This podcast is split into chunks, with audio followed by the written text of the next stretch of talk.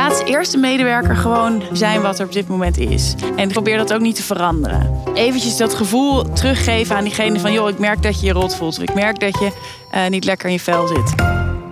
Stel, een medewerker geeft aan dat hij of zij niet zo lekker in zijn of haar vel zit. Of dat er moeite is met motivatie. Reageer je dan met een goed bedoeld kop op of focus op het positieve?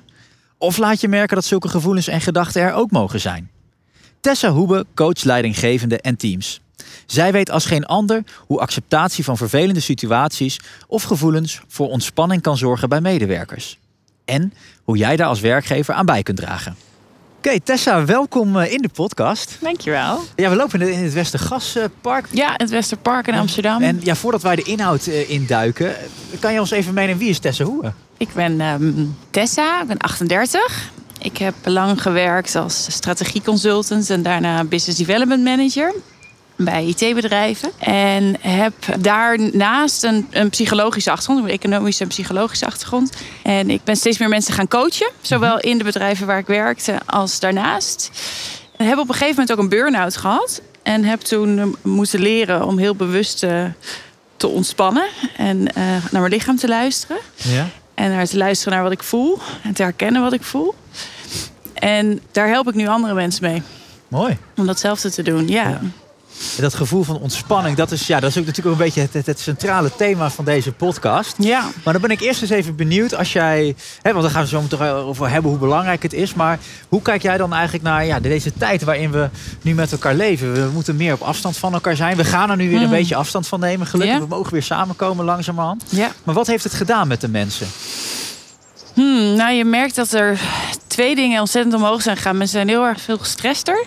Mm Stresspercentages zijn enorm gestegen. En die waren al voor corona waren er al heel veel mensen die last kregen van burn-outs en stressproblematiek. Ja. En het andere is dat er veel eenzaamheidsklachten zijn. En dat dat ehm, nu veel meer voorkomt dan eerst. Maar het kwam daar voor corona ook al veel voor. En toen lag er een grotere schaamtelaag op. Dus ik vind het ergens ook wel mooi dat het algemeen geaccepteerd lijkt te worden om uit te spreken dat je eenzaam bent. Ja. Um, waar mensen dat vroeger denk ik vaak als een beetje als falen voelden. Mm Dat ze niet uh, uh, dat ze zich eenzaam konden voelen. Is dat nu een soort meer algemeen omarmd begrip. Dus ook al is het gevoel nog steeds vervelend, wordt het meer geaccepteerd dat het er is. En wordt meer naam aangegeven. Er wordt ook meer aandacht aan gegeven. En dat vind ik wel weer een heel positief punt. Nou, daar wil ik zo meteen dan nog wel eens even op doorgaan. Want dat is misschien ook nog wel een verschil tussen privé en zakelijke sfeer. want we gaan het natuurlijk vooral ook hebben over op, op het werk. Wat doet verandering eigenlijk met ons als mensen? Want dat is, daar zijn we natuurlijk mee geconfronteerd. En dat, dat levert een spanning op of zo, toch? Ja. Kan je daar iets meer over vertellen hoe dat proces werkt en wat spanning eigenlijk precies is? Ja, um, als je spanning googelt, dan komt eruit dat het een afwezig zijn van angst en woede is. Mm maar ik ben ervan overtuigd dat ontspannen meer is dat je accepteert wat er is. En dat kan ook zijn dat je boos bent. Het kan ook zijn dat je verdrietig, angstig bent. Maar dat je accepteert dat je bent. Want heel vaak is de grote pijn, de grootste spanningslaag zit op het weerstand op wat er is. Dan is de, de, de pijn zit hem dus veel meer op de weerstand dat het regent... dan dat het eigenlijk de vervelend is dat het regent. Nou, dat geldt ook zo voor dat we opeens corona hadden. Dat we daar allemaal opeens grote veranderingen door hadden. Kinderen die thuis waren, uh, opeens allemaal online werken, niet meer een uh, fijne werkomgeving hebben. Mhm. Het stukje weerstand tussen op de verandering zorgt voor veel meer pijn en spanning dan dat er eigenlijk situatie het probleem creëert. Of, nou ja, het is niet, kan niet zeggen dat het meer is, maar het is in ieder geval een groot deel van de pijn, van de spanning. Ja. En zo kan je dat ook doortrekken naar niet alleen uh, de regen of corona, maar ook um, spanning over hoe je zelf reageert. Dus dat je baalt dat je misschien niet aardig hebt gereageerd op je kind, omdat je chagrijnig bent, of dat je naar je partner niet uh, de beste reactie hebt gehad. Dan kan je ook weer zo die weerstand hebben op je eigen reacties en je eigen emoties. Misschien. Ja. Eigenlijk is ontspanning en het accepteren wat er is. En dat mag ook boosheid zijn, dat mag ook angst zijn. Oké, interessant. En uh, is het dan ook zo dat, dat, uh, dat, dat corona ervoor heeft gezorgd dat we dus minder ontspannen zijn? Kunnen we dat zo stellen? Omdat er meer spanning is gekomen, meer weerstand tegen wat er gebeurt in onze wereld? Ja, ik zou het willen gooien op wat je net eerder zei. Het is de verandering die we allemaal in hele grote snelheid en zonder controlegevoel hebben meegemaakt. Ja. En dat zorgt dus voor spanning. Dat zorgt voor spanning, ja. Nou, nou als we het dan eventjes in de, in de werksferen trekken... dan denk ik dat we ook kunnen zeggen dat daar is de verandering misschien nog wel het grootst geweest in corona. Namelijk als je geen vitaal beroep hebt, niet meer samenkomen. Dus dat dat ook onherroepelijk voor heel veel spanning heeft gezorgd. Ja. En wat je net zei, dat, vond ik, dat triggerde mij wel even. Je zei van eigenlijk is er meer acceptatie gekomen. Heb jij dat ook zo gezien in, in, in werkomgevingen binnen teams... dat er meer acceptatie is gekomen over hoe het met ons gaat? In de omgevingen waar ik gewerkt heb... en waar ze dus ook een coach hebben ingezet om ze te helpen... Ja. daar was het, heb ik dat enorm veel gezien. Ik kan niet zeggen dat het uh, over alle bedrijven zo uh, te trekken is. Ja. Maar omdat we allemaal tegelijkertijd een beetje met dezelfde grote verandering te maken kregen, ja. heb ik eh, in bedrijven gewerkt waar er heel veel ruimte werd gegeven voor het menselijke aspect ervan. Ah, okay. En dat vond, ik, uh, dat vond ik heel mooi en ook heel verbindend om te zien. Want opeens hadden we allemaal iets waar we emotioneel door beïnvloed werden. Ja. En dat zorgde ervoor dat er daar ook makkelijk over gepraat werd. Want het was niemands schuld uh -huh. dat we allemaal corona hadden. Of Ja. konden krijgen. Of dat dat meespeelde. En daardoor werden er persoonlijke onderwerpen opeens uh, open met elkaar gedeeld. En dat zorgde weer voor heel veel verbinding op de plekken waar ik werkte bij bedrijven.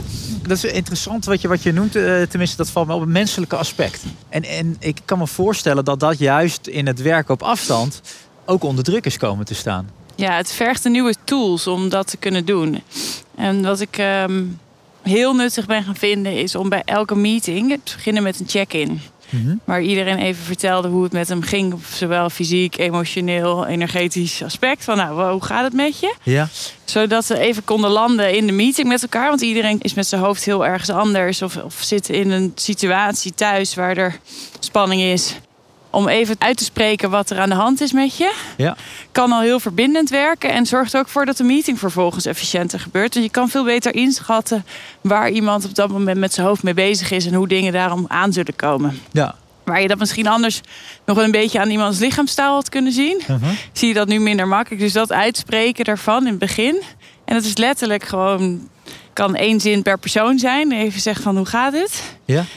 Um, zorgt voor zowel verbinding als een efficiëntere meeting, uh, als meer ontspanning in het gesprek.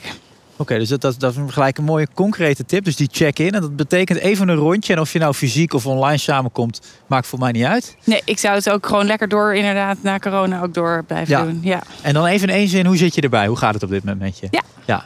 Met als resultant dus ook dat menselijke aspect dat iets meer naar voren komt. Ja. Dus dat is wel een van de dingen die je als leidinggevende zou kunnen doen. Ja, en dan is het wel heel belangrijk dat, wat natuurlijk het makkelijkste is, om dat heel oppervlakkig te houden. En dan is het wel net eventjes aan een, een manager of iemand die het voorbeeld durft te geven om daar uh, tussen. Dat, dat vind ik heel mooi. Als daar dan net wat kwetsbaarder in uh, gesteld kan worden, zodat er ook meer verbinding plaatsvindt. Oké, okay, dus een goede voorbeeld geven is daarin heel belangrijk.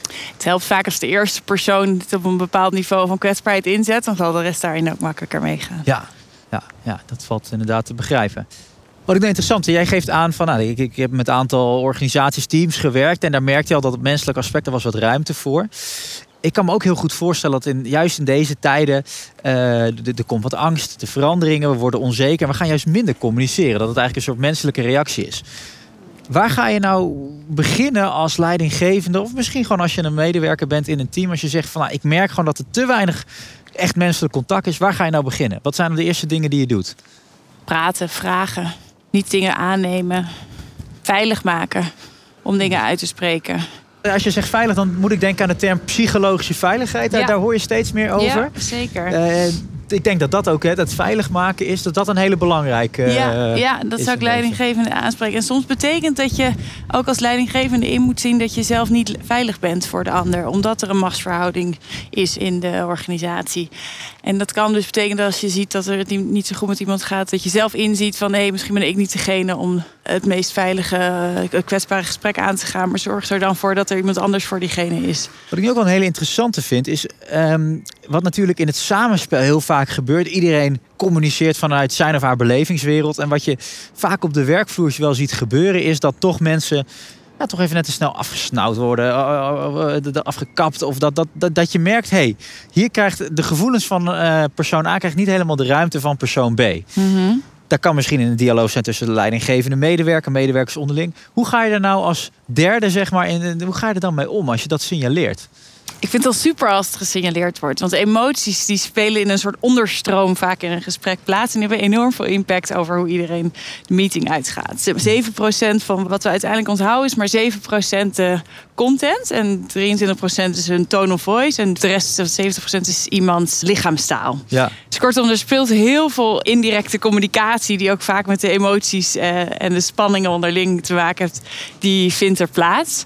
En het is heel belangrijk om daar oog voor te houden. Want als je alleen maar let op wat er inhoudelijk gezegd wordt, dan mis je dus 93% van, van de echte communicatie die er is. Het is nou niet zo dat als je nou merkt dat er spanning is tussen persoon A en B, dat jij als persoon C dat eens even lekker moet gaan benoemen om dat erin te gaan wrijven. Want dat kan natuurlijk alleen maar zorgen voor ongemakkelijkheid. Ja, ja.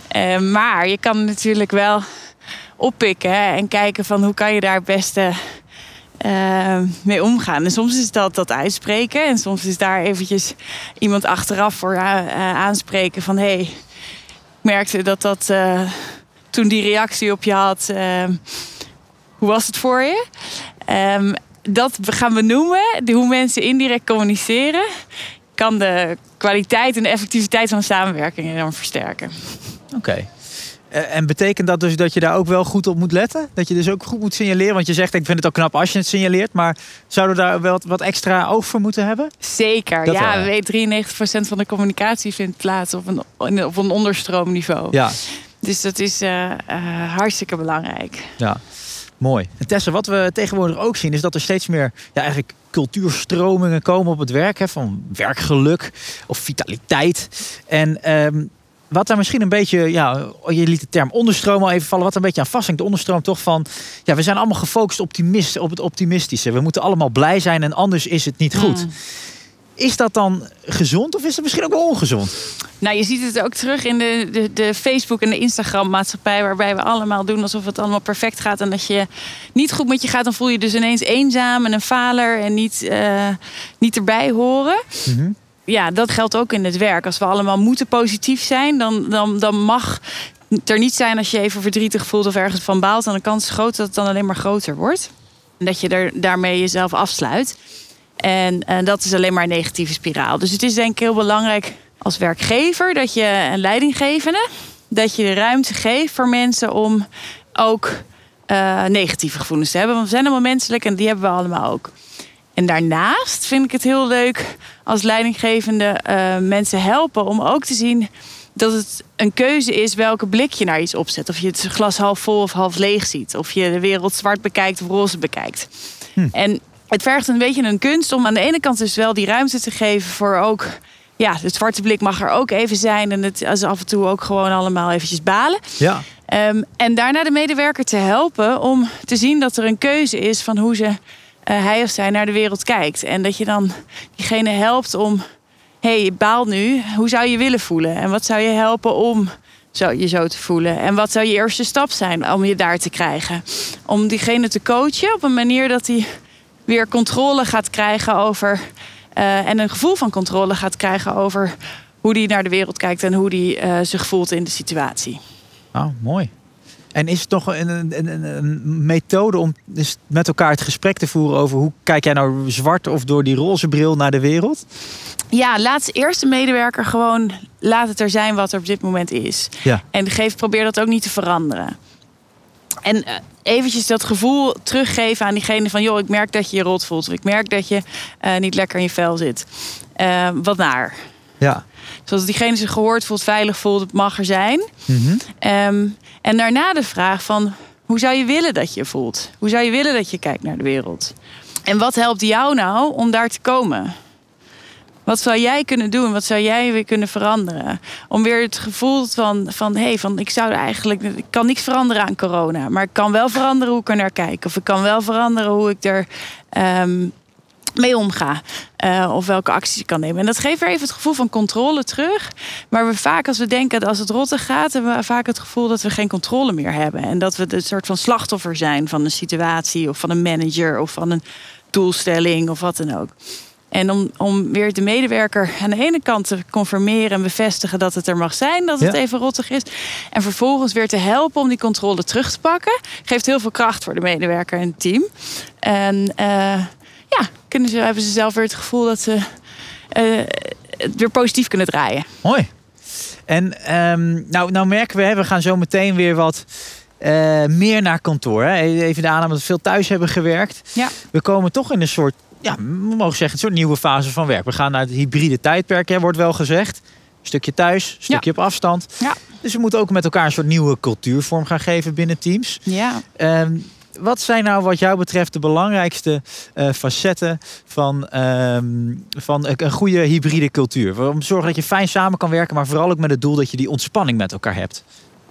Ik denk dat het vooral heel erg belangrijk is dat we de voordelen van beide werelden niet uit het oog verliezen. Mhm. Dus als we straks inderdaad weer teruggaan, dat we ook de voordelen van hey, ik kan thuiswerken en ik kan ergens anders wonen dan in de stad blijven omarmen. En eh, tegelijkertijd weer meer tijd hebben voor het informele koffiepraatje, waar je eh, elkaar weer ziet. Waar ik groot voorstander van ben, is om eh, mensen dus niet alleen via linker hersenhelft. Linker hersenhelft is je ratio, je logica, meer de, de, de mannelijke kant van ons systeem wordt het ook wel eens genoemd. Maar iedereen heeft een, heeft een linker en een rechter hersenhelft en een mannelijke en vrouwelijke kant. Ja. De gevoelskant en de creatieve kant en de intuïtiekant is er vaak eentje die veel bedrijven niet zoveel ruimte krijgt. En juist die, die eh, als we het hebben over ontspanning en, ge- en gevoel net, dan, dan vind ik dat aspect heel erg belangrijk om in te gaan zetten. Om bewuster eh, ruimte te geven. Want het is de helft van onze capaciteit. En er zit heel veel kracht in intuïtie en creativiteit. En voelen en mensen aanvoelen, empathie, dat soort aspecten. Ja. En daarvan vind ik het heel gaaf dat we nu een steeds diversere maatschappij ingaan. Waarbij we ook meer vrouwelijk leiderschap zien. En dat wil niet zeggen dat er alleen maar meer vrouwen in de top zijn. Maar dat er ook meer vanuit die rechterhersenhelft belang wordt gehecht aan aspecten zoals empathie en voelen en intuïtie. Want dit zijn ontzettend krachtige capaciteiten Ja. die we allemaal kunnen gebruiken om met z'n allen beter samen te werken. Mooi. Mag ik jou hartelijk danken voor je inspiratie bijdrage, Tessa. Zeker, dat is leuk om een beetje te kletsen. Dat waren de duizend stappen met Tessa Hoebe. En hopelijk heb je nu een iets beter beeld van hoe verandering zorgt voor spanning op de werkvloer. En vooral ook wat je kan doen om te zorgen dat er meer ontspanning komt. Door met elkaar het gesprek te voeren. Door te zorgen dat je aandacht geeft aan de mens achter de medewerker. Maar misschien nog wel het allerbelangrijkste door te accepteren wat er is en daar de ruimte voor te laten. Als je hebt meegelopen, complimenten en wil je nou nog meer inspiratie? Ga dan naar www.zilverenkruis.nl slash zakelijk.